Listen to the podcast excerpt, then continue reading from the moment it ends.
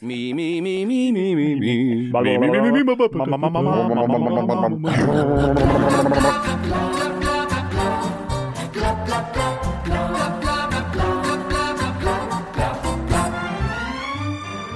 Ja vel, da kan vi ikke spise melkesjokolade heller, for det er noen som eier noen som eier noen som eier noen, kanskje i Russland, ja. Du må ta det med et smil. Jan har fått sin nye hobby, går på folkefest. Janne har et hemmelig tema. Hva kan det være? Kan det være golf? Kan det være jazzmusikk? Kan det være dromedarens plass i moderne norsk samtidslitteratur? Ingen vet.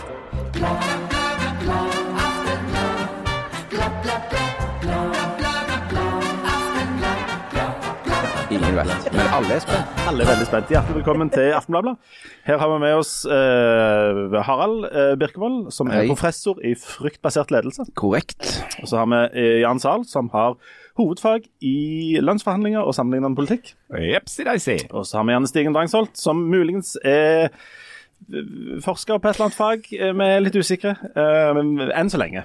Enn Og- så lenge. Og Leif Tore Linde, vanskelig å finne på noe å si om deg. Ja, det er helt Men du er fra Hommersåk Ja. og Bhutan.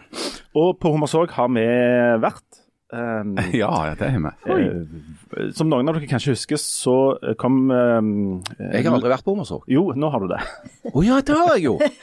For en Ja. stund siden så la Harald på bordet denne opplysningen om at han aldri har vært på Hommersåk, og nå har vi vært på Hommersåk. Dere som kommer på, på liveshowet vårt på, på eller i Sandnes, for, eh, skal få en grundig innføring i Haralds tur. Og Og før noen hiver seg over kommentarfeltet og skriver «Øh, Ja, skrøyte av liksom journalist, ikke aldri vært på Hommersåk. Jeg har vært i Hommersåk. Altså, jeg har kjørt gjennom. Ja. Jeg har f.eks. for eksempel vært på Ims Mm. og Høle og Lauvik. Altså, det er ikke så rart at jeg ikke Jeg mener iallfall at det ikke er så rart at du ikke har vært på Hommersåk. men dette har vi lagd en rørende reportasje om. Eh, nå er det dessverre, eller heldigvis får vi vel si, Ja. utsolgt på Sandnes begge forestillingene. Så nå Er det? Ja, Er det utsolgt? Sagt er det det.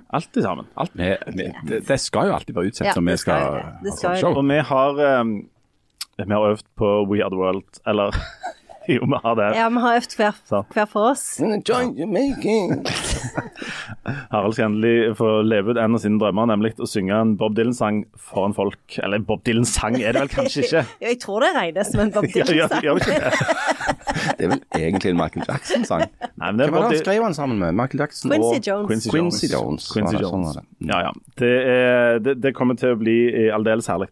Ellers så har vi uh, fått eh, ganske mange uh, spørsmål og lignende om uh, Harald sitt forhold til artisten Scooter. Fast, Yeah. Um, mer, eh, denne katten hoppet jo ut av sekken mens du ikke var her. Um, Korrekt. Og, og du har um, Han, han hoppet ut av sekken og sa mjau. Han sa mjau på tysk. Men har du fått eh, Du har fått eh, noe å snakke med folk om, regner jeg med, når, når, når, når, dere viser seg, når det viser seg at du har et bredt interessefelt? Som, Ja, ja. Det, jeg, eh, det går ikke en dag uten at jeg treffer noen uh, i det offentlige rom som lurer på hvordan det var. Og, Ja. Men, Altså, er, men er det fordi ja. at det er så enormt mange scooterfans ute at du endelig har funnet noen som du kan liksom det er jo, ha et ja, det føles på en måte som at jeg endelig har fått en, en flokk da, Ja. sant, av likesinnede. Um, så jeg alternerer litt mellom å, å bare jatte med og si at det var en flott konsert, og at jeg gleder meg til neste i Kristiansand. Ja. Uh, eller å si sannheten, da, at, det her at dere bare løy i uh, den sendingen. Det syns jeg var stygt sagt. Men det var det dere gjorde. Nei, det var vel Lyging. Det var lyging. Og nå, nå vil jeg gjerne fortelle dette, for jeg, dette vil jeg at lytterne våre skal vite. For uh, Før jeg dro, Neste tema. så sa Leif Tore til meg Kan ikke du ta oss og spille inn Du kan få opptil fem minutter til å spille inn noen interessante minutter. Lærerike minutter fra det du har lært på ditt kurs om energi- og sikkerhetspolitikk i Berlin. Men så slo realismen inn i kombinasjon med sannheten. Og det gjorde jeg. Og Det er en uslåelig kombinasjon. Jeg gjorde det. Og så sa jeg til Leif Tore ja, nå er det klart det Nei, jeg trengte ikke gjøre det likevel, for det at dere hadde funnet på noe annet. Men vi hadde jo det. Ja, ja. Jo, mye bedre. Ja, det hender dere. Det stemmer. Funnet på er de nøkkelordene her. Men Ja. det var ingenting med, altså, ingenting med når jeg sa til deg Kan ikke du spille inn fem spennende, interessante minutter fra din, arbeidshverdag? For det har folk lyst til å høre på. Er det ingenting, ingenting av det som ga deg et hint med at dette kanskje var en spøk? Det sier vel kanskje litt av meg at jeg trodde på deg. Ja. Det Der har du det. Det gjør faktisk det. Men, men, um, men eh, dere har funnet et slags fellesskap i, i skutringa, ikke sant? Du og de du treffer rundt Ja, omkring. så, nå, og så gjorde jeg jo den tabben at jeg òg var på YouTube og uh, scooter. For det at jeg, jeg hadde glemt ut hele scooter, må jeg innrømme. Men så, men, så nå får jeg forferdelig mye scooter i feeden min. Sant? Og, og jeg fikk jo tilbud om å kjøpe billetter til scooterkonserten i uh, Kristiansand og i det hele tatt. Ja. For det er ledige billetter ennå. Ja, må, jeg vet ikke, men jeg fikk iallfall tilbud. Han er mindre populær enn oss. Jeg er veldig med i Tannklubben så jeg får sånn spesialtilbud. Ah, ja. Jeg, eh, jeg, skal, jeg skal innrømme at jeg på et lite, lite øyeblikk vurderte jeg faktisk å melde deg inn i tannklubben til Scooter, men jeg tenkte at eh, eh, og ondskap må ha en ende. Altså, Absolutt. Takk for det. Vi, vi kan ikke ta den helt ut. Um, ja ja, sånn, sånn er nå det. Du, har dere eh, begynt å sortere ut og boikotte ting når dere går og handler? F.eks. Um, sjokolade og barberblad og sjampo og den der typen ting. For Det er det jo en del som har eh, begynt med. Altså, de siste dagene har ganske mange norske selskaper, f.eks. SAS og Norwegian og hotellkjeden Strawberry, begynt eh, eller slutta å selge Freia-produkter etter at mm. eierselskapet som heter er noen som klarer å uttale det på skikkelig vis? Mondelez. Mondelez. Ble svartelista av Ukraina fordi de driver virksomhet i Russland. Og, har, eh, og nå, nå skal det altså ikke kjøpes bl.a. Freia-sjokolade. Ja. Um, Gi meg de brennende melkehjerter, som han sa. hvem som sa det? Jeg tror det var, var, var Arnulf Øverland eller Nordahl Grieg eller noe sånt. Eh, I min eh, Gjendikt av Scooter. Ja, ja. I sangen. De flammende milkharsen, ja. Nei, altså det, det er en sak som det er vanskelig å ta med et smil. Og den uh, saken får jo stadig en ny tvist. Koster det en Kvikk Lunsj? det? Ja. Altså, saken er at her har eh, norske virksomheter og norske privatpersoner eh, Ja. som ønsker å flagge sin godhet, funnet den perfekte saken. Interessant det med flagging av godhet, men ok. ja. Er det det? Nei, altså, boikott av Freia-produkter er jo selvfølgelig mye mye lettere å få til enn å f.eks. boikotte store oljeserviceselskaper eller det norske oljefondet. Eh, og Det er jo grunnen til at eh, så mange har kasta seg på. Eh, så sent som i går så innkalte jo stortingspresidenten til et møte i presidentskapet for å vurdere om de skulle kutte Freia-produkter på Stortinget. Jeg antar da i kantina. Eh, og det viser jo på en måte altså her, Og Høyre, partiet Høyre heiv seg på. Sant? De ville, mente regjeringen ikke gjorde noe, som vanlig, eh, når det gjaldt Freia-problemet. Eh, så Freia har plutselig, og litt, kanskje litt overraskende, blitt en slags symbolsak for eh, eh, handelsboikott av Russland.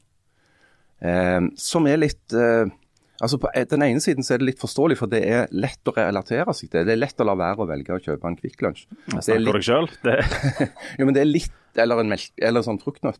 Det men det er litt verre å ta de store strukturelle utfordringene her. Og så er det litt verre, for det, dette illustrerer det som er det kompliserte med å kombinere da et tilsynelatende varmt hjerte og, og, og engasjement og god vilje med et kjølig hode og ha evne til å tenke litt sånn rasjonelt. Altså Dette er i Kahneman-terminologi system N mot system 2. Den, den første sånn magefølelsen som slår inn at nei, dette må vi gjøre noe med. Eh, Den virker eh, smart men hvis du begynner å tenke over det rent sånn prinsipielt, så begynner det å bli mye mer komplisert. Altså Det høres ut som en god idé at ja, eierselskapet til Freia de opererer i Russland. Der må vi boikotte Freia. Vi slutter å ha de produktene der, og så har vi vist at vi støtter Ukraina.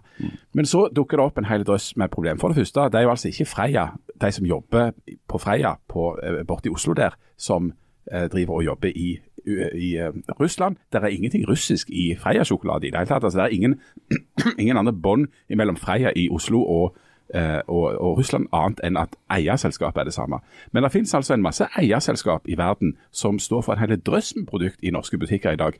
Eh, altså F.eks. bind og tamponger og barbersaker og kjeks, og, altså, som i Procter Gamble, og oljeserviceselskap, som har en drøss med produkt i norske butikker.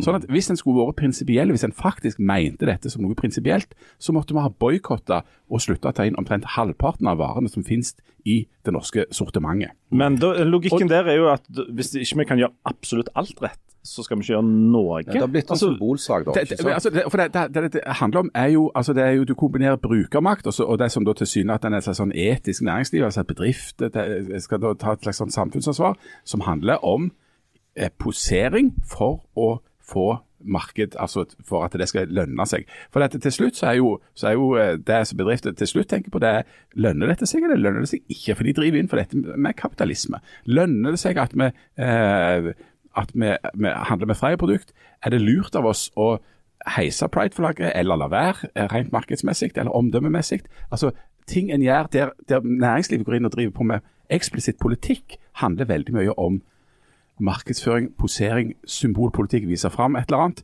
Men så er det ikke nødvendigvis eh, holdbart rent sånn prinsipielt.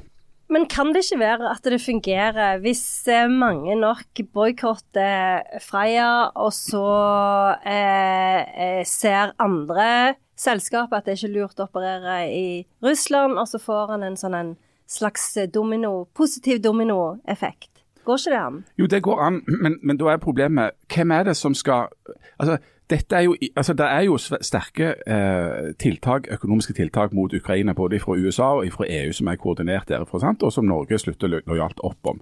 Da er det på en måte sanksjonert fra politisk hold fra toppnivå.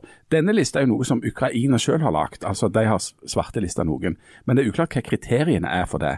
Og så Er det da, er det, det, er det Norge, er det EU, er det verden? Altså Hvem er det som skal på en måte eh, gå sammen om dette her? Eller er det den enkelte bedrift eller den enkelte forbruker?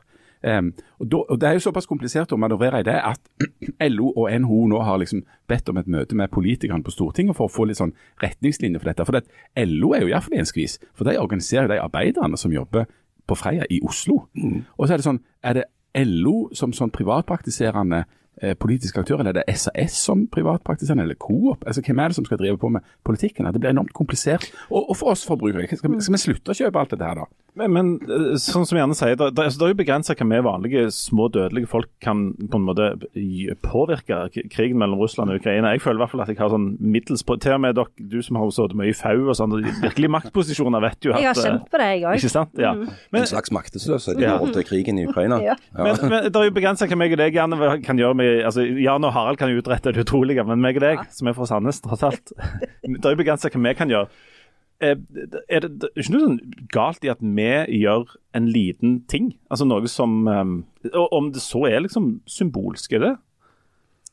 At vi dropper liksom kjøper en annen sjokolade istedenfor Freia. Det er, jo, det er jo Jeg har jo lyst å tro i alle slags ulike saker at en har en slags sånn forbrukermakt. Det er jo når det gjelder klimaet òg, at, at en kan faktisk uh, gjøre en forskjell. At det er litt sånn Greta Thunberg som ikke går på skolen på fredagene, og så får det en sånn en voldsom ringvirkning, og så har du en slags sånn positiv påvirkning. Det er jo det en har lyst til å tro som individ, og det er jo i vår, i vår tid så er det jo sånn at det, det, en legger veldig mye vekt på individet. så Derfor så har vi jo lyst til å tro at vi har en slags påvirkning òg. Mm. Men så er det jo samtidig sånn at du må iallfall sørge for at de aksjonene du da gjør, eh, ikke virker mot sin hensikt. Altså, Du kan jo risikere at eh, en boikott av Freia-produkter i Norge kun fører til at de 170 som jobber på Freia-fabrikken, mister jobben. Eh, mens det ikke har noen som helst effekt for krigføringen i Ukraina eller Mondelez sin virksomhet. Eh, på samme måte så kan du jo si at når det gjelder oljeserviceselskapet SLB, som før het Slumberger, som har stor virksomhet i Russland, de mange tusen ansatte i SLB som jobber i Norge, er jo ikke skyldige i det. Eh, og, når en stadig vekk trekker fram det selskapet, så er det jo bare for å vise paradokset i at noen selskaper eh, får kritikk, mens andre eh, slipper unna. For det er jo veldig vanskelig for vanlige forbrukere å boikotte et oljeserviceselskap. Det var veldig sjelden bruk for et sånt. Jeg har ikke handla noe der. Nei, du har ikke, du har ikke kjøpt noen ting hos SLB i det siste. Ingenting. Og så er det jo òg dette med det norske oljefondet. For det at Gjennom det norske oljefondet så er jo du og meg, alle sammen, Eh, altså Hver av oss i dette rommet eier nå verdier globalt for litt under 3 millioner kroner gjennom det norske oljefondet. Og Det norske oljefondet er jo investert i absolutt alt av børsnoterte selskaper i nesten hele verden. Det betyr at vi er på en måte kollektivt skyldige i mye løye. Ikke eh, det er en haug med selskaper internasjonalt, sikkert flere hundre, som eh, prøver å omgås den handelsboikotten av, av Russland for tiden. Det har jo blitt dokumentert godt. Uh, flere selskaper, fantastisk nok enormt mange i Tyskland, omgår boikotten av Russland uh, ved å selge via mellommenn i land som Litauen, Georgia, Kasakhstan og Moldova. Uh, og Det er jo òg dypt problematisk. Og vi, gjennom oljefondet så er vi sannsynligvis investert i mange av de selskapene kollektivt. Sånn at Den globale kapitalismen gjør jo at du blir sammenvevt på en måte. og Det er veldig vanskelig å opptrå sånn heil og rein. Og så kan du også, Det er enormt lett å finne argumenter for ikke å gjøre noe som helst. Bare si at nei, vet du hva, verden er en komplisert plass, og jeg turer på og jeg gjør ingenting. Altså, jeg, jeg, det, det, er ikke noe vits i å gi penger til Røde Kors heller, for det er så mange andre Men du som sliter. risikerer og sånn. òg noen ganger, og det har, dette har blitt godt dokumentert, at, eh, at eh, sanksjoner og, og um, handelsrestriksjoner kan jo faktisk ramme uskyldige. Det har jo uh, f.eks. vært Litt sånn som krig. Ja, tilfellet i Iran. hvor Iran har mangler livsviktige medisiner til barn pga. internasjonal handelsboikott. Det var vel aldri meningen at det var det som skulle skje. Men, men da må en jo bare sette sin lit til myndighetene alltid, da. Og bare være en sånn en eh, Ja. tommel opp-person. Ja, og det, eh, du, det er viktig at du sier, for det, det er det som jeg av og til har en litt sånn dårlig følelse på. Det er at når jeg påpeker sånne ting som dette med Freia-boikotten, så framstår jeg som så ekstremt eh, kald. Det er klart at det er på en måte bra at folk har et engasjement og ønsker å bidra, men det gjelder Altså Det er jo et slags journalistisk instinkt som slår inn òg, at du får føle trangen til å påpeke om dette faktisk kommer til å gjøre en forskjell. Jeg, husker, jeg forstår at du, Leif Tore, til kristne gode misjonærbarn fra Bhutan prøver å være sånn her er idealisten oppi dette, og det er flott, det. Eh, og jeg, om Hvorfor jeg tar du ikke meg med For du er jo ikke fra Bhutan eller misjonærbarn. Det var, det var flere kristne i Bhutan enn i Ja. Og i Ja, ja, Sandnes. ja. Det, det, det må vi være enige om, sant? Men, men, men det er en, og, og det er mye av det jeg får også framstår som noe kaldt og halvkyniske her. Men, Ja. men, Jeg skal, jeg skal bare sjekke. Ti av ti fikk jeg. ja, 10 av 10, ja. Men, og, og, og det kan òg føre til logiske på en måte feilslutninger og til en apati og et manglende engasjement som er, som er veldig ille hvis en blir for uh, kynisk i dette. Jeg husker søsteren min hadde lenge en, en håndskreven lapp hjemme på Bryne på, på badedøra si, der det sto at Eh, Siden det bare er kaos i verden, så kan ingen kreve at jeg skal rydde rommet mitt. Altså en helt sånn logiske feilslutning. At fordi at det er andre ting i verden så ikke så tar jeg null ansvar. Altså, Det er sånn, det er sånn absolutt ingenting. whataboutism. Ja, og, og, og, det er en, og det er en sånn ja, så har sånn, helt misforstått logikk da, sånn, med, med, med at fordi at noe ikke fungerer, så trenger ikke jeg fungere.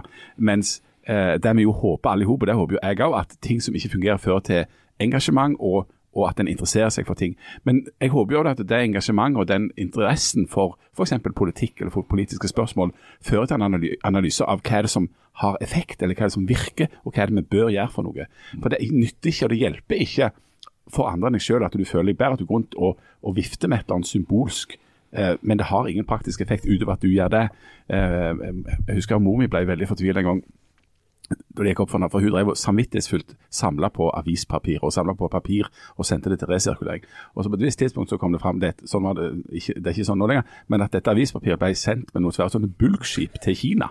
Sånn at den resirkulering som hun drev på med, som skulle være en god innsats for miljøet, var mer forurensende enn hun hadde brent det i, i ovnen. Og, og Det er jo det deprimerende eksempel med klima, Janne, at hvis du ser på hva som er utslippene i Europa og i, og i Norge, og sånt, og hva vi kan gjøre der, og så vi bretter kartonger og, og, og samler inn eh, potetrester og alt det greiene der. Hvis det ikke skjer noe i Kina eller i India eller i USA, så hjelper det absolutt ingenting. Men det betyr ikke at vi ikke skal bry oss. Nei, nemlig. Og, det, og det er, altså, må, uh, håpet her er jo at for, altså, Siden det, dette, dette selskapet som er grunnleggende kapitalistiske, som gjør sånn at det de tjener penger på, det gjør de. sant? Og, og det er jo mange som allerede har trukket seg ut og ikke gjør noe i Russland. og Det er antageligvis ikke kun av omsorg for verdensfreden og, og ukrainerne, men fordi at de tjener penger på det. Og Det er jo, det er jo en tanke om at hvis f.eks. Eh, altså alle sånne store ting, f.eks. det at eh, nok et selskap hadde trukket seg ut av Russland, starter med en sånn at folk ikke vil ha produktene deres fordi at vi kan velge noe annet. Og, da- vår, vår sjef eh, Tarle Orno sa alltid at det beste eh, Nei, det gode blir det bestes fiende. Var det, er det rett? Ja, det er rett. Ja, det er noe der. Ja. Eh, og det, det er alltid en fare for det. At, at vi med Jeg tror det mindre er omvendt. Det beste blir det godes fiende. Sånn er det, ja. Sånn er det. Nemlig. Ja. For, hvis, vi skulle, hvis vi skulle gjort alt rett, eksempel da ja, gi penger til noen, så hvis vi skulle Vi burde jo gitt alle pengene våre til Jemen til enhver tid, men vi, Ikke vi kan Men se, ikke gjøre det. Se på hvem som trakk seg ut av Russland først. Eh, Det er Er det selskaper grovt? Grov Nei, det, nei. Det er selskaper som er, driver med detaljhandel. Det er McDonald's og det er Nike. og det? Det, det, for det at De frykter forbrukermakten. Mm. De frykter, for de lever av at folk går inn i en butikk og kjøper enten de skoene eller de skoene. Eh, Så de er de første som er at de har det langt framme i bevisstheten. Eh, men selskaper som selger teknologi og, og, og, og avanserte produkter fra business til business, de er ikke så sårbare for den type reaksjoner.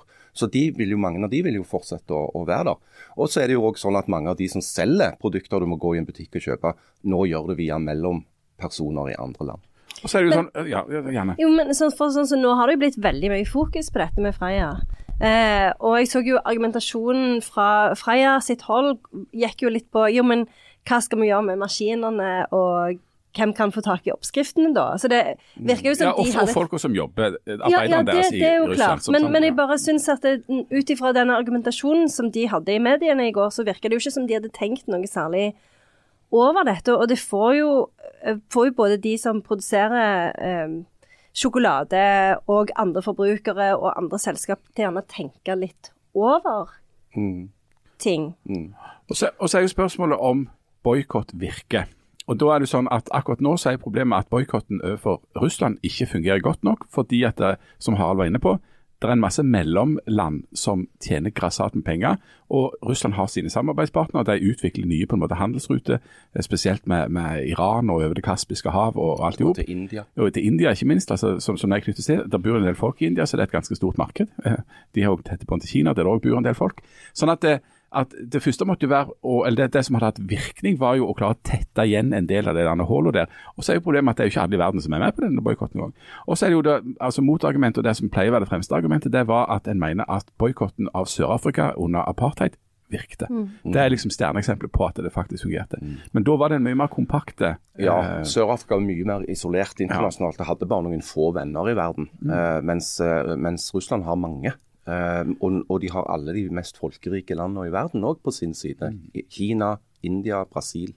Og så illustrerer jo dette at vi lever i en tid der sånne, f.eks. en boikott er kolossalt vanskelig, fordi at uh, det er et selskap som eier et selskap som eier et selskap som eier et selskap, og så ender vi til slutt opp med den der Jeg vet ikke om dere har sett den der plansjen med de fem selskapene som eier omtrent alt annet, og som opererer i hele verden, og som gjør at f.eks. en sånn erkenorske ting som Freia melkesjokolade egentlig eies av noen som eies av noen som eies av noen. Så til slutt så står det noen amerikanere bak som driver handel, som òg driver med, med, med eh, atomvåpen i Nord-Korea og, og, Altså, Jeg har et eksempel på det fra, fra noe jeg skrev om for en god del år siden, som handler om investeringene til oljefondet.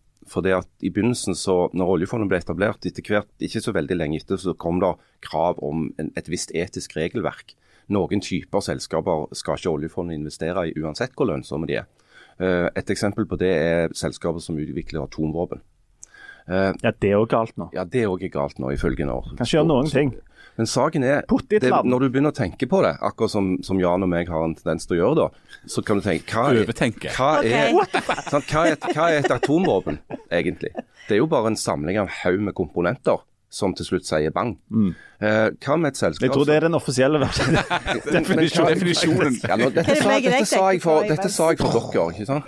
Men saken er at inni et atomvåpen Hallo, så er det jo all slags ting. Det er f.eks. sikringer og ledninger og skruer som er helt vanlige sikringer og ledninger. Men hvis du leverer deler som du kan lage et atomvåpen av, er du, skal du da òg boikottes? Ja. Hvor skal du sette den grensen? Jeg Sprenger det kjempehøyt da, eller sier det bare Idioter. Altså, sa, saken er at mitt eksempel der er bare, viser bare hvor vanskelig det er Ja. å være god. Den er jeg helt med på. Og derfor er det enkelte av oss ikke engang prøver. Jeg prøver, jeg sorterer bås og all slags. jeg. Gjør du sorterer, det? ja, ja. For Ukraina? Men, For, men, for og men, du, men du, det er jo en interessant ting i der vi bor nå. At vi gjør, altså En del ting har blitt helt selvsagt og dagligdagse, og vi tenker ikke engang over det. Og det er å gjøre de gode tingene. Vi sorterer. Vi prøver så godt vi kan. Vi, vi sparer på strømmen, og vi, vi legger i forskjellige dunker og, og, og legger ut sånn. Gir penger til Leger uten genser ja, penger til leger uten genser. Ja, masse sånt som dette. Men du skal ikke reise veldig langt før liksom, sånn sortering. Liksom, hva det er Men der er jo, der er jo ikke, og det mener jeg er en sånn klassisk sånn misforståelse. Tanken er jo ikke at vi skal redde verden med å kildesortere vårt bås, men at vi er såpass rike og så langt framme i skoene at vi sorterer vårt bås i håp om at når inderne og kineserne og alle de andre kommer opp på vårt velstandsnivå, så er sortering av båsen helt selvsagte ting.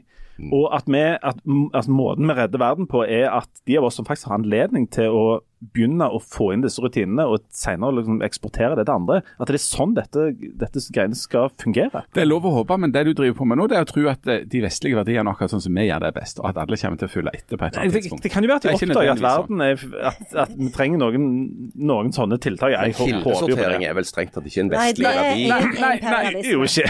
Det er det imperialisme. Er Kildesorteringsimperialismen. Kan, kan patriarkatet òg ha noe av skylda for dette? Ja, ja, Nei, nei, nei, men, ja, altså, jeg er jo enig, altså, sant? det er jo ikke så stor, men, men det er en sånn, det viser seg gang etter gang egentlig at ting vi gjør her som virker helt logiske for oss, og som jeg mener er lurt at vi gjør, som handler om alt fra kildesortering til eh, altså eh, likestilling, eller eh, altså hvordan vi gjør eh, i dette samfunnet.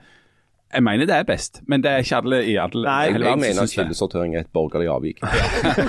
Nei, ja, altså, Du har jo delvis rett i det, men samtidig så ser vi jo at en del av disse landene, når på en måte den, der- den økonomiske og liksom, den sosiale velst- velstanden begynner å komme litt sånn opp i fart, så er, hermer de ganske mye etter vestlige land allikevel. Altså, Måten vi bor på, måten vi organiserer oss på, måten vi kjører bil på og sånt. Altså, det, det, går an. Jeg mener at Ja. det er et, slags Altså, det er jo ingen som har lyst til å bo i en søppelhaug.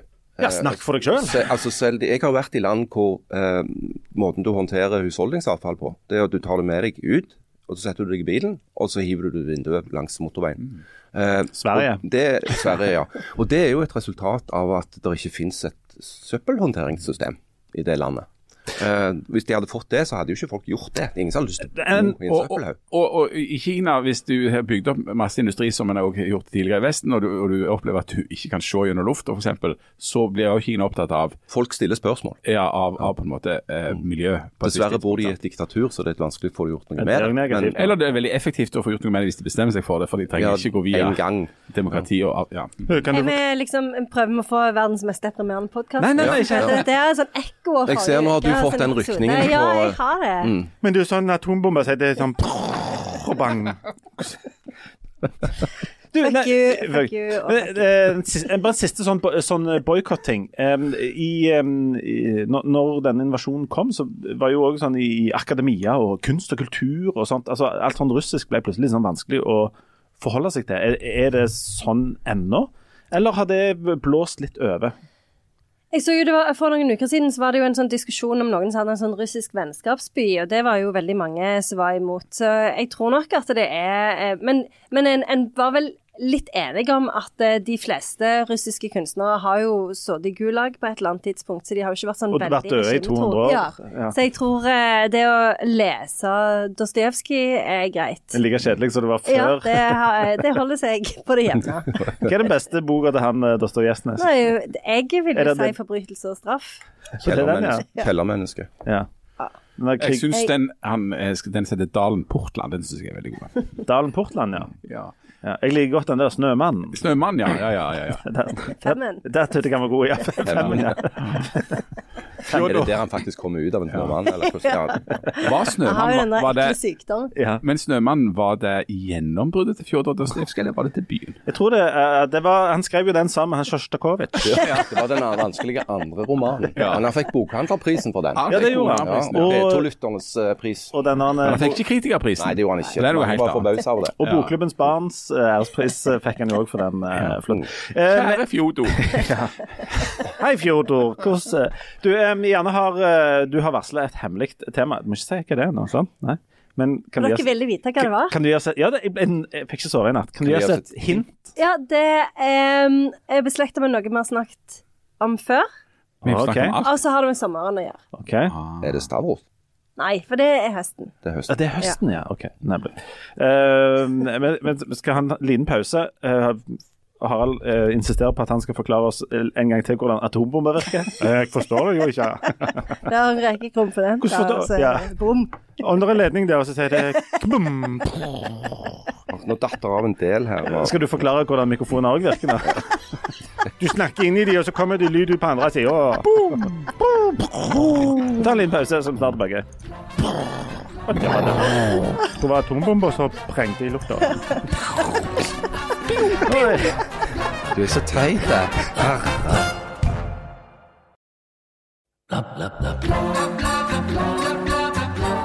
Hjertelig velkommen tilbake til Atombombe spesial. Ja. Harald har nå forklart hvordan atombomber virker. Meg og Janne skal nå uh, gjenfortelle dette. Jeg kan begynne, gjerne. Du tar den ene ledningen, Så er det vassekomponenter. ja, og så tar du, og så tar du fyrstikker på fyr på det. Og så Kobler du de blå ledningene. på de røde ledningene. Og så Kommer det tikk, tikk, tikk, Tikk, tikk, tikk. Og når det har gått fire minutter, og skurken har eh, reist vekk, så sier det Sånn virker atombomber. Sånn virker Hvis dere, vil ha, hvis dere vil ha en forklaring til det, så kan dere ta kontakt med Harald Birkevold på Han har mailadressen Ikke ta kontakt med meg. Nei, han har, har eh. Han har mailadressen scooter underscore 63 at gmail.com. Eh, OK, vi skal over på litt, eh, litt kjekkere ting. Uh, Harald skal nå forklare hvordan uh, Michelin-stjernene blir delt ut. Du har noen stjerner, og så deler du de ut. Da har du et egg, Ja. og så knekker du det egget. Noen har lagd noen har lagd ostesmørbrød kjempestort. Og så får de Masse, ost. Stringy. OK, uansett. Beklager. Ja, vi beklager dette. Det er veldig, veldig seint på kvelden. Dette har vært en lang dag. Stavanger har fått uh, nye Michelin-stjerner, for der har det blitt uh, delt ut. Det har det jammen santen. Um, og eh, Det var ja. liksom overraskelse for en gangs skyld. Pleier alltid Ja. å liksom vite det mer eller mindre på forhånd. Ja. for, Jeg trodde det var bare jeg som ikke hadde fulgt med. Var det liksom en slags sånn surprise? Um, Harald ligger jo langt framme, og Ja. han har allerede vært på denne restauranten. Eller var det du som var du, lik, du likte jo det du åt, men det, det, det var ikke det som var spekulasjonen fra vårt hold. Det var tango folk lurte på om kom til å ikke snakket med meg. Nei. Uh, men ja. Restauranten K2. K2 i Pedersgata. eh, drevet av han Ola Klepp og Elisabeth Kress. Den fikk eh, ei stjerne. Det vil si, han fikk egentlig to. Fordi at eh, når eh, eierne, eller driverne, Kress og Klepp, ble invitert til Helsinki for å være med på denne utdelingen, så antok de kanskje at det skyldtes at de kunne få en såkalt grønn stjerne, som restauranter som jobber veldig med bærekraft, eh, kan få. Det er en relativt ny kategori i Michelin-sammenheng. og- Hvordan koker du bærekraft? Er det markbein og Nei, du tar bær, og så koker du dem, så blir det kraft. Vær så snill. Bærkraft. Um, og ganske riktig, det skjedde. De Saft. ble uh, ropt opp som vinnere av ei grønn stjerne. uh, og en stor anerkjennelse. Gikk og satte seg og trodde at det var det. Og så, jammen santen, så fikk de en rød òg. Som er liksom de originale Michelin-stjernene. Og det er jo selvfølgelig en, eh, fantastiske nyheter for de, men òg for liksom, matbyen Stavanger. Og for de som er opptatt av sånne ting, så betyr jo den stjerna til K2 at Stavanger nå har én stjerne mer enn Trondheim. Eh, Det er tross alt det viktigste. det er tross alt det viktigste. Du, Eh, for, for oss i, eh, i pizzabakeren-segmentet, hva slags restaurant er dette her, denne K2? Er det sånn kjempemye mat, eller lite, eller? Det er en, en liten restaurant eh, som ligger ganske langt oppe i Pedersgata, som serverer veldig lokale mat eh, i sånne faste menyer på la oss si f.eks. syv retter, eh, og som legger voldsomt vekt på det der med bærekraft og økologi. Og De bruker en del teknikker som sånn sylting og fermentering og røyking. Eh, og le, altså de leverer et veldig veldig godt produkt. Jeg har, jeg har vært der to ganger sist i, for ca. et år siden og var voldsomt imponerte da. Eh, og tenkte at dette her er, dette er noe av det beste som denne regionen har å tilby for tida. Uh, og Sånn sett så er det ikke direkte sånn sjokkerende at eh, K2 har fått ei stjerne. Uh, men det er riktig det at det er andre restauranter i Stavanger eh, som har vært kanskje spekulert mer rundt. Eh, det kan jo skyldes at de har vært der lenger og har hatt en slags målretta jobbing mot en stjerne over tid. Det, eh, jeg tenker at f.eks. Tango, som du nevnte, det er jo en restaurant som har, åpenbart har ambisjoner om å komme dit. Eh, jeg har òg tenkt noen ganger at Bellies, fordi at Bellies òg er en eh, bærekraftig restaurant i den forstand at han serverer vegansk mat, men på et skyhøyt nivå, eh, kunne være en sånn eh, litt sånn annerledes eh, plass som, som, eh, som Michelin kanskje ville eh, anerkjenne. da. Men det, altså, det, det, det er jo noe av mystikken med Michelin-guiden. Det at han er litt sånn uforutsigbar og mystisk. Eh, eh, anmelderne er anonyme. Og de liker jo å overraske. De liker å holde bransjen litt på tå hev ved å komme med litt sånn overraskende tildelinger fra tid til annen. De er veldig opptatt av å bevare den mystikken rundt seg sjøl. Og det er jo den mystikken som har gjort at selv om mange i bransjen er litt sånn ambivalente til guiden, fordi at nettopp fordi de er så fjerne og uforutsigbare, fortsatt er liksom den overlegent viktigste anerkjennelsen som en restaurant og en kjøkkensjef kan få. Jan, har du vært der? Jeg har vært der to ganger, jeg òg. Eh, og det var god mat. Det, altså, det, altså, ja, Harald har beskrevet hva, hva det er for noe. Du strekker deg så langt. Ja, jeg strekker meg så langt. God mat. Men, men, men det er jo interessant òg dette med at akkurat da Stavanger har blitt såpass, eh, altså kommet på det nivået at vi er den byen i Norge som har nest flest eh, stjerner. og og eh, Trondheim har jo da kommet på en måte opp eh, på et annet tidspunkt, og Oslo er jo da størst. og Det er det ikke det legger skjul på. Nei, det er overlegent Ja, det er overlegent størst. sant? Altså, Mens Bergen har liksom ikke kommet, eh, ligger ikke på det nivået da. Men hva er det med Stavanger og denne regionen som har gjort at vi er der? For det er ikke selvsagt, men det har du skrevet noe om. Harald. Ja, jeg har det. Etter den tildelingen så satte jeg meg ned og så tenkte jeg litt på det der med hva er det som gjør at Stavanger, og etter hvert òg Sandnes, har fått liksom, forbausende mange gode spisesteder. Eh, hvis du ser i forhold til folketallet, så, du, så er det en, en, nærmest en overrepresentasjon. Og, og Min analyse av det er at det, det skyldes flere ting. Du, du har i denne regionen så har du et, eh, et næringsliv, og inkludert investorer, som har lagt mye penger inn i disse restaurantkonseptene. Nesten alle de restaurantene som vi har nevnt, og, og flere til, er jo et resultat av at noen har gått inn med kapital. Eh, og Mange av de investorene har jo ikke fått noe særlig igjen for det. De gjør det på en måte fordi de ønsker å bidra. Det er ikke noe de tjener veldig mye penger på. Det er andre ting. Eh, og så har du jo òg i Rogaland et veldig veldig sterkt matfaglig miljø med gastronomisk institutt og hele det der eh, apparatet rundt det. Og så har du enormt bra, bra råvarer og produsenter som har begynt å, å, å spisse seg inn mot å levere toppkvalitetsprodukter til restauranter. Og så har du selvfølgelig hele bransjen, som består av mye mer enn bare disse kokkene som blir liksom kjendiser. Det er jo, det er jo et helt miljø av servitører og oppvaskere og eh, vinkelnere som jobber som et lag eh, for å få dette til. Og så har du et kjøpesterkt publikum. Du har mange folk i denne regionen, som i Oslo, som har et økonomisk overskudd som de bruker litt av på å gå ut og spise og drikke. Jan, er du sånn som oppsøker sånne Michelin-restauranter? Ja, men um, Ja, men uh, jeg syns um, Når det er sånn Sånn syv retter og masse sånn småretter innimellom, det blir ofte litt mye, syns jeg. Oh, ja. Hva er det med det som blir mye, syns du? Jeg syns bare det er, for, det er for mye mat. Jeg blir så veldig, veldig mett. Du er så bitte, bitte liten, det er derfor. Jeg er veldig teeny tiny. Men du er veldig sterk i det. jeg er kjempesterk.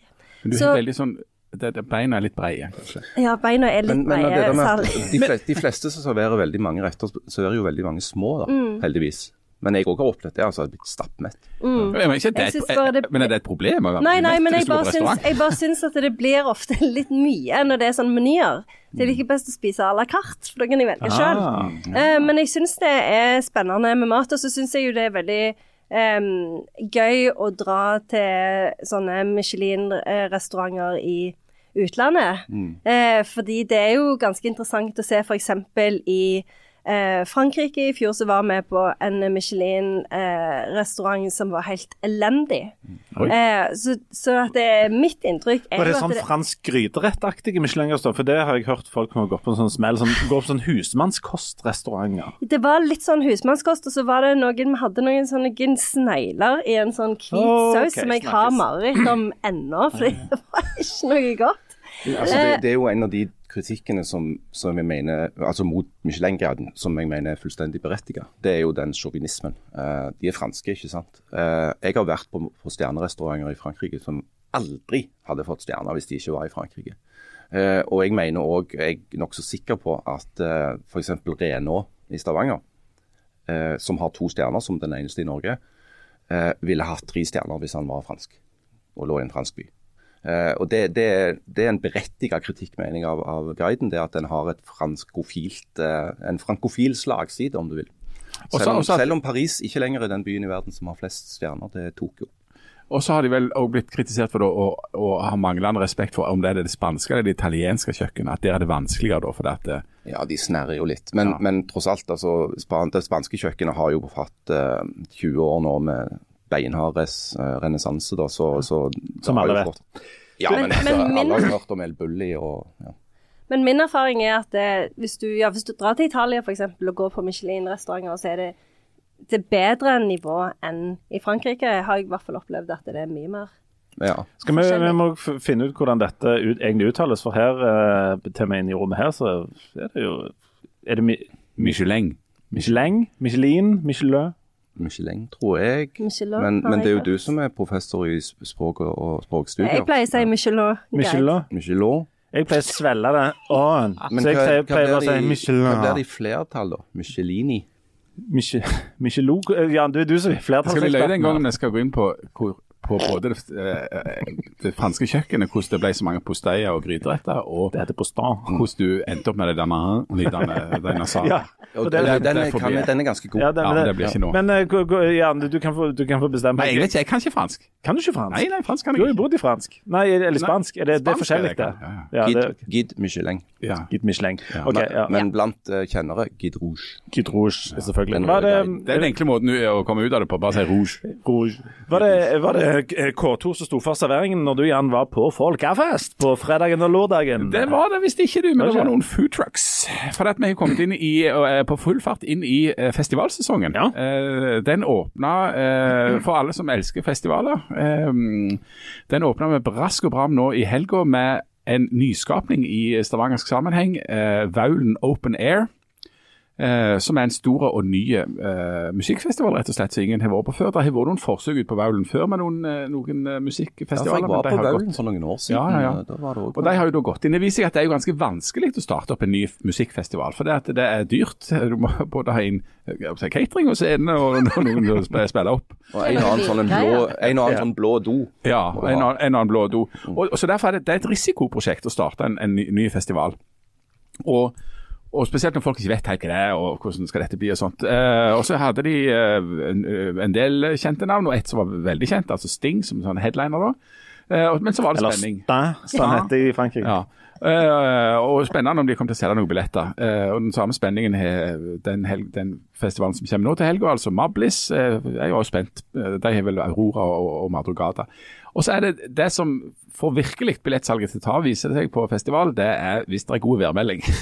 og nå er vi jo plutselig kommet til, nå er det plutselig blitt sommer i, i Rogaland. Så, så mot slutten der så tok eh, salget på uh, Vaulen voldsomt av, og det tror jeg har skjedd på Mablis òg. Og da får du den altså, situasjonen at det kommer titusenvis av folk. Altså, det, det var 7000 den første dagen og 10 000 den andre dagen som samles på et relativt lite område. og Så spilles det opp på to scener eh, med en masse artister og sånt. og Jeg hadde jo mange øyeblikk der jeg følte meg gammel og helt på siden av samfunnet. Jeg hadde ikke hørt om halvparten av de som sto og spilte opp. Sting har du hørt om. Eh, Sting hadde jeg hørt om. Ungdoms, er er god Ja, men ellers så var det sånne da som, som, som, eh, som er blitt store gjennom TikTok og sånt. Men det er interessant å se da. Og så, så, så sto jeg nå der, og jeg har alltid vært sånn middels god på sånn folkefest og, og, og festival og sånt. Jeg er ikke sånn som Du klarer vil å strekke deg til middels. Jeg vil Jeg vil si dårlig, men okay. Ja, ja, dårlig, sant? Altså, jeg, En av de aller dårlige Aller, aller, Ja, aller dårlige. ja. Men du Men så- reagerer veldig dårlig på sånn begeistringsplikt. Ja, jeg, jeg gjør det. Men så ser jeg rundt meg, da, og så, og så klarer jeg ikke å unngå å legge merke til at folk har det enormt fett. altså, Rett og slett. mange, mange, mange folk som var var kjempeblide. Fint vær, litt å drikke på. Danste og hoppte rundt og var glade sånn som dette her. Og, og, og artistene virka glade, og folka virka glade, og arrangørene virka glade. Alle var glad. Det var en god gammel vinn, vinn, vinn, vinn, vinn-situasjon. Men hva skjedde da med din journalistiske uh, ryggmargsfølelse sier absolutt alle andre liker dette? Altså er det noe helvetes drit. Her må vi være kritiske. Ja, nei, nei, ja. nei, men jeg syns det som er regelen. Ja, det er regelen. Jeg, jeg, jeg, jeg, jeg syns ikke det var eh, noe drit, men det er jo noen kritiske tanker som oppstår. At det blir på en måte For dette er på en måte Dette er jo da markedet i, i kulturlivet. Dette er folk som er artister som er veldig kjente, og som har et eh, stort publikum, og det er ganske mainstream. Det er veldig lite eh, motstand her. Det er veldig lite friksjon. Det er veldig lite som er vanskelig å fordøye. Sånt. Så det er litt sånn her, det er kapitalismen i kulturlivet med litt sånn glidemiddel. Det glir Men folk går jo ikke til et. Vaulen i fint vær for å få friksjon. Nei, de er så ikke. De er så ikke. Og så Ikke, tror jeg ikke at eventuelt før de kommer Ja, nei. ja, og så tror jeg at mange av de går ikke nødvendigvis fordi at de skal sitte og sprenglytte til det musikalske. For det er jo det som er at disse festivalene de kan alltid handle om en del, om sånn musikk eller om sånne ting. Så. Men folk går jo framfor det ut, for de skal ha folkefest Kose seg. og kose seg. Og de drøser i vei. Så på Sting der så står det 10 000 folk. Jeg tror iallfall 5000 av de sto og drøste og hadde det knallkjekt. Og, og, og, og, og, så, så sa deinen, og så, så, så feis grisen. Og så, ha, altså, så skikkelig sånn eh, topp stemning der. Men, så, det er en sånn veldig sånn rar eh, greie. Men, men det er enormt god stemning, og jeg syns det er enormt bra at det der er festivaler, selv om de selv om de på en måte er utskjelt av, av feinschmeckerne som spiller eh, frijazz eller, eller noe sånn skurrete. Uh, men, men, men, men eh, det er bra at det skjer sånne ting. Ja, Men det er jo, Ja, igjen, det er jo forskjell på festivalene òg, da. Sånn, Vaulen Open Air Festival er jo ikke den spesialiserte festivalen hvor en liksom virkelig skal Ta friksjon og- ja. Du kan jo, Hvis du vil ha litt friksjon, så kan du jo gå på, på, på en annen festival. Ja, ja. Altså, Forrige uke så satt vi jo her og snakket om hvor fantastisk det var at folk, folk gikk mann av huset Ja, ja. for å så høre på eh, foredrag om kvantefysikk og, og greier. oppe Hvordan atombomber virker. Ja, du tar ene ledningen, da. Inn på den røde ledningen. Leif Tore, jeg skal forklare deg dette litt mer nøye senere. Men, men altså, det er jo det er så digg da, at det er jo plass til, til begge deler. Og nettopp det nettopp Ja. det er det fine. Og der mener jeg, at det mener jeg er fordelen med, uh, at, med, med store byer, eller med byer der, eller områder der det bor en del folk. At, du kan, at det er mange nok folk til at du kan få til et mangfold. Du kan ha gladmaten, og så Ja. kan du ha Michelin. Ja, og så kan du ha eh, folkefest eh, og, og topp stemning og kos på Vaulen, og du kan ha filosofifestival. det er og kammermusikk. og kammermusikk, sant? Men er det noen områder eh, Er det andre områder enn på kultur der disse her står og stanger liksom hardere mot hverandre? For det er jo litt sånn at Altså Kulturlivet er jo litt sånn delt mellom en sånn intellektuelle kunst- og debattaktige del, og en sånn en, de som driver med underholdning. Um, og disse to uh, leirene er ikke nødvendigvis sånn kjempedødsforelska i hverandre. Men trenger de å gjøre det? Nei, de, de, de trenger jo ikke det. Men de, for disse kan jo leve ganske godt side om side, hvis det er nok folk til å på en måte kunne fòre begge beista her. Ja, Ikke bare side om side, men, men i en slags symbiose. altså F.eks. på litteraturfeltet så er jo den gamle devisen at de driver med børs og katedral. sant? Eh, Gjerne dette er du, altså, Og der er jo greia vår at denne utskjelte krimmen, eller disse bestselgerne, det er jo praksis det som finansierer disse smale utgivelsene. sant? Eh, og så er det mange av de som skriver de smale utgivelsene som har null respekt for disse som, som skriver breie krimmer som selger masse, mens eh, disse eh, breie og kommersielle sier, skriver et eller annet populært, eller de som skriver noe kjempesmalt. Og Litt sånn er det òg i, i musikklivet. Eh, men de befrukter jo hverandre gjensidig, og til dels finansierer hverandre gjensidig. Altså, Janne, du kjenner til litteraturfeltet. Det er et element av Ja, absolutt. Og det er jo derfor òg vi har stipendene. Det var jo nettopp mange som fikk stipend i Stavanger forrige uke. Sandnes den med ut stipend, det har vi ikke noe tro på. Og Det var noe av det jeg sto og tenkte på mens jeg var på Vaulen, der dette glei kjempegodt, og der jeg tror det kommer til å gå i pluss allerede første år, som er egentlig oppsiktsvekkende. Veldig bra at dette foregår. Eh, Flott at her kommer på en måte privat sektor inn, lager en svær profesjonell festival, leverer masse ting som folk vil ha. Dette er ikke det som trenger kommunal støtte. Dette, er, dette ordner markedet. Vi har kulturpolitikken for det andre. Vi har det for, for jazzen og, og, og for eh, plingplongen. Ja, og det er jo nettopp det. Og det er jo derfor det, men det er jo, det er jo veldig viktig, som du sier, Jan, at en holder Altså at en er bevisst på dette her. Fordi at det, en, en skal jo være bevisst på, på det sånn at det ikke bare blir open air-festivaler, og sånn at det ikke bare blir underholdning, men sånn at en har disse her friksjonsfestivalene òg. ja, ja, ja. Så det, det er jo superviktig. Og det, og, det, og det er jo det det på en måte er vanskelig å argumentere for. sant?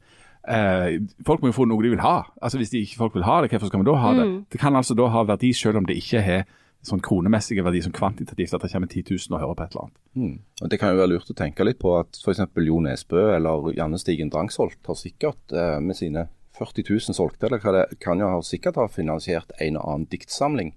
Eh, som jo i- vi vet ikke selger lenger i dette landet. Men de blir gitt ut, som er bra. Og Det er jo det som på en måte kjennetegner en kulturnasjon, det er at det er noe mer enn bare én ting. Det er liksom bredde eh, i repertoaret. Mm. Og så er det fascinerende å høre i etterkant av sånne festivaler. Jeg har snakket med ikke fem, seks, syv, åtte stykker som har vært der. Først jeg snakket med, sa at vet jeg, det var sånn dridarsfestival. Andre jeg snakket med, var sånn Det som forundret meg, var jo at det var så enormt sånn lun og fin og varm sånn familiestemning. Og så kom neste. Å, herlighet, folk bare snakket. Og så kom fjerdemann. det var så god musikk, og det var så greit, gode forhold og så god lyd. Og, og det var så godt å høre etter. Og så har- kommer folk tilbake og har åtte forskjellige fortellinger. Så det du prøver å få fram her, er at folk er veldig ulike? Ja, det er det jeg prøver å fortelle. Ja, ja, ja. At jeg vur- vurderte å gjenfortelle det om den atombomba igjen, men ja. det ble så dårlig. tid ble så dårlig til. Og så er det jo tror vi kan det nå. ja, ikke sant? Og så er, det, og så er jo dette åpningen for, for mange er det der med å få unnagjort den der ene festivalen er sånn ah, Nå er det sommer. Nå, nå er liksom det, ah, Nå gir vi ned. Og det pensles inn på dagens hemmelige tema. Ja, fordi at eh, vi har jo ofte snakket om hva er temaet for sommeren. Dere husker jo Hæ? at det ene året så snakket vi om White Boys Summer. Ja, husker ja, dere det? ja, ja, ja. Det var jo sønnen til Tom Hanks. Ja, så prøvde å lage en slags en trend. et, et slags tema, da. Mm. Og det var jo Jeg husker ikke helt hva det gikk i, men det var vel mye at folk skulle ha på seg lakserøde bukser, var det ikke det? Jo, det var visst det. Ja.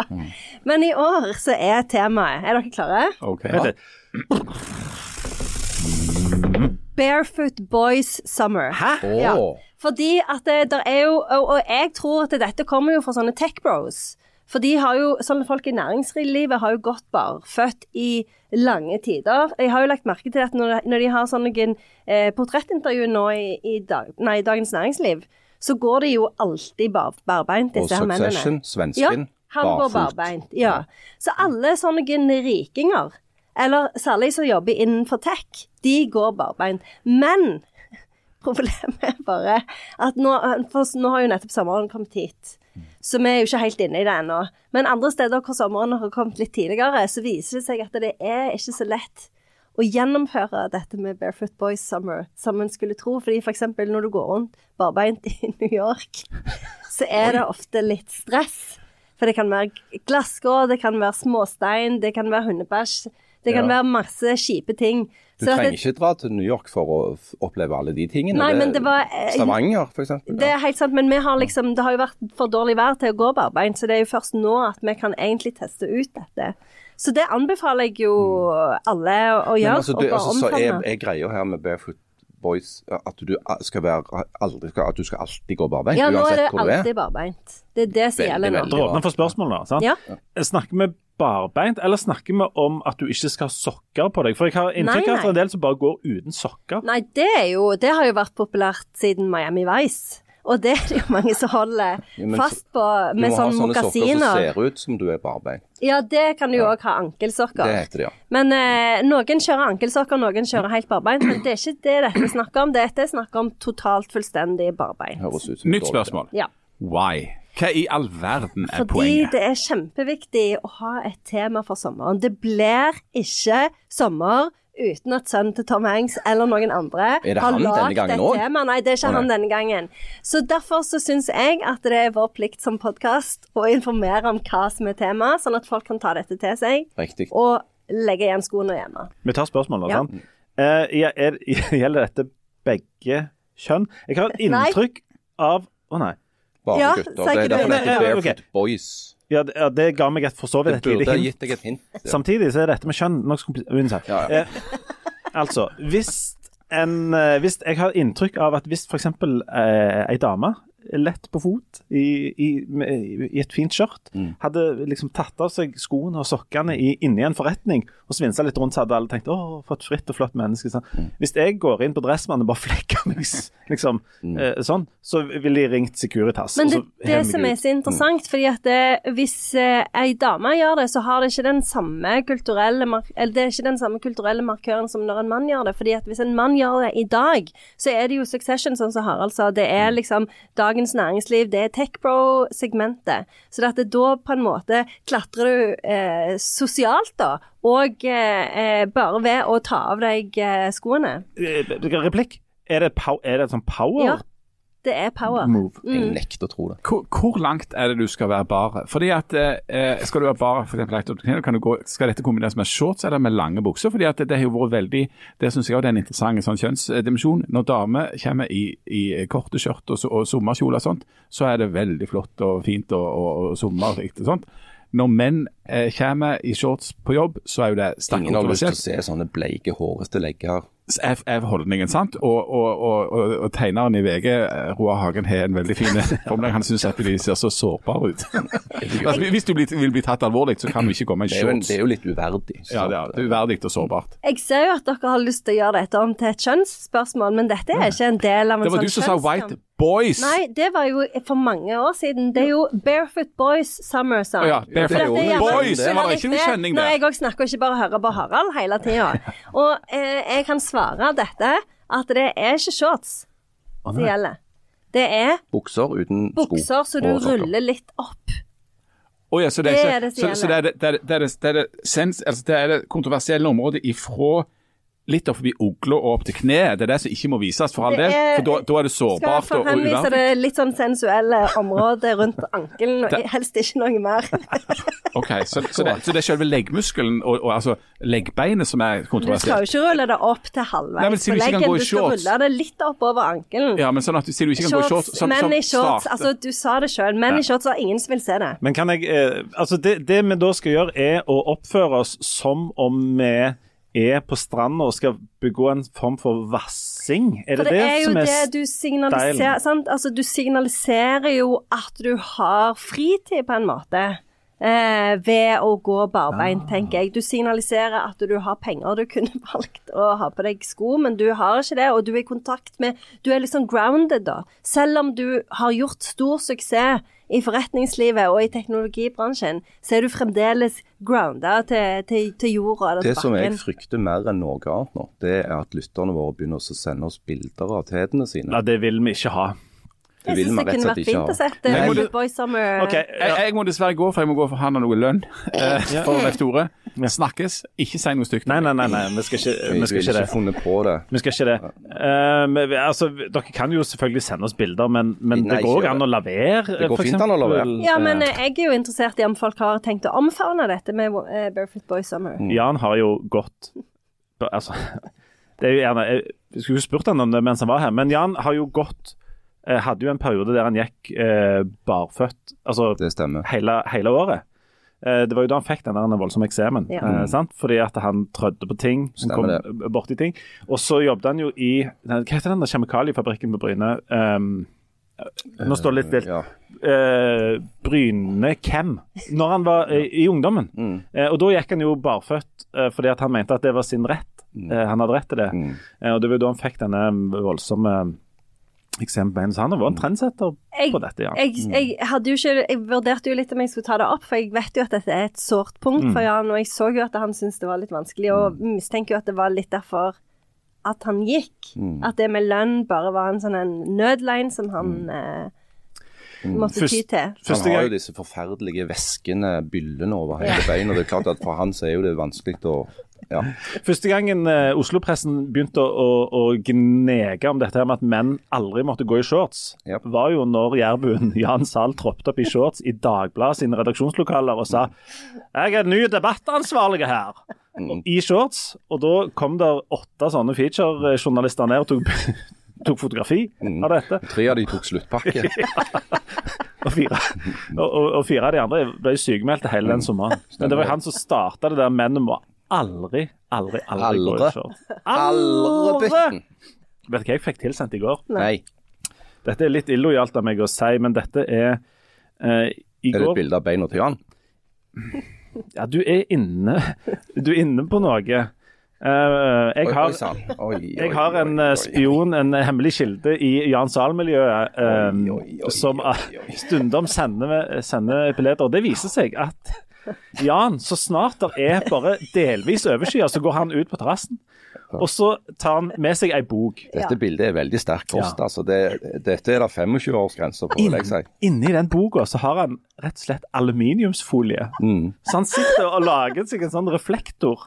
Det er så jækla- For jeg synes han hadde litt ja, sånn tan. han er så old school. Dette er sånn 60-tallsgreier. Han sitter med en sånn solskjerm Ja. for å få mest mulig Aluminiumsfolie inni boka, sånn at det ser ut som han leser, men det han sitter har lagd sånn reflektor der han får ekstra sollys. Ja. Og så har han altså smørt seg inn med Litago. margarin. Ja, og Litago, Ja, han det drikker Litago, men han smører seg inn med margarin for å få den der ekstra tanningen på. Det jeg ser nå at det er Litago sjokolademelk, og den fungerer vel òg på mange måter som en slags selvbruningskrem, gjør ikke det? Han gjør det. Ja. Det er det de brukte i, i Bryne når, eh, når Jan eh, vokste opp. På. På Bryne. Ja, ja stemmer det. Ja. Eh, de har fått bystatus, men det får være hver grense. Mm. Nei, det, det var sterkt. Ja, det er Men vi må begynne kanskje å tenke på Vi må runde av. Eh, du, har du lyst til å fortelle meg om det atombombegreiene, hvordan det virker, eller? Nei, jeg tror, jeg tror ikke det har noe for seg på Altså, jeg kunne fortalt det til lytterne, jeg tror ikke du ville forstått det uansett. Vi håper jo å treffe mange lyttere igjen på Sandnes på, Ja. Absolutt. på fredag, da. Ja. Absolutt. Det kommer til å bli Selv om det er utsolgt. Ja. Ja. Folk kan jo stå ut forbi, eh, så får de i alle fall et glimt av oss når vi, når vi kommer ut. ja. Jeg vet ikke om eh, det kan være det selges svartebørsbilletter. Det kan òg være det. Enormt svartebørsalg. Ja. Hvordan virker sånn svartebørsalg? Tickets. Du tar en billett, og så en svart og en hvit billett. Så hva får du ha, Janne? Den svarte. Den svarte billetten. Hvordan er det gjør når vi går? Er det å reise bare rett opp, og så bare fulle, fulle fart framover, da, eller? Ikke så lett for meg, det. Jeg gjerne ser fra Sandnes. Vi forstår jo ikke Det ting. var ikke så lett for det. Hvor skal vi lyden ut av munnen her nå? Bare, jeg bare åpner opp og kommer ut med en gang. Mm. Forstår ikke. Ha det. Ha det.